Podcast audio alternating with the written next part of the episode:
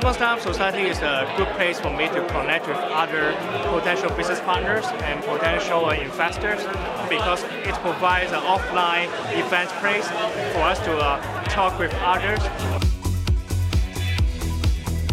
I think the most important support from the, the Startup Society is the network they could provide.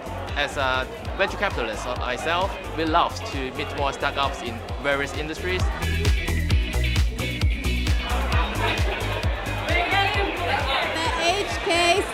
Society. Now it's officially, officially launched.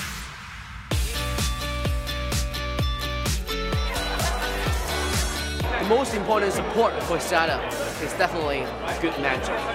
So Hong Kong Startup Society helps us a lot on the professional advice that the mentor can give us. We are new here, we don't know anyone here, so being part of something like that uh, can help us to get better and do a big successful.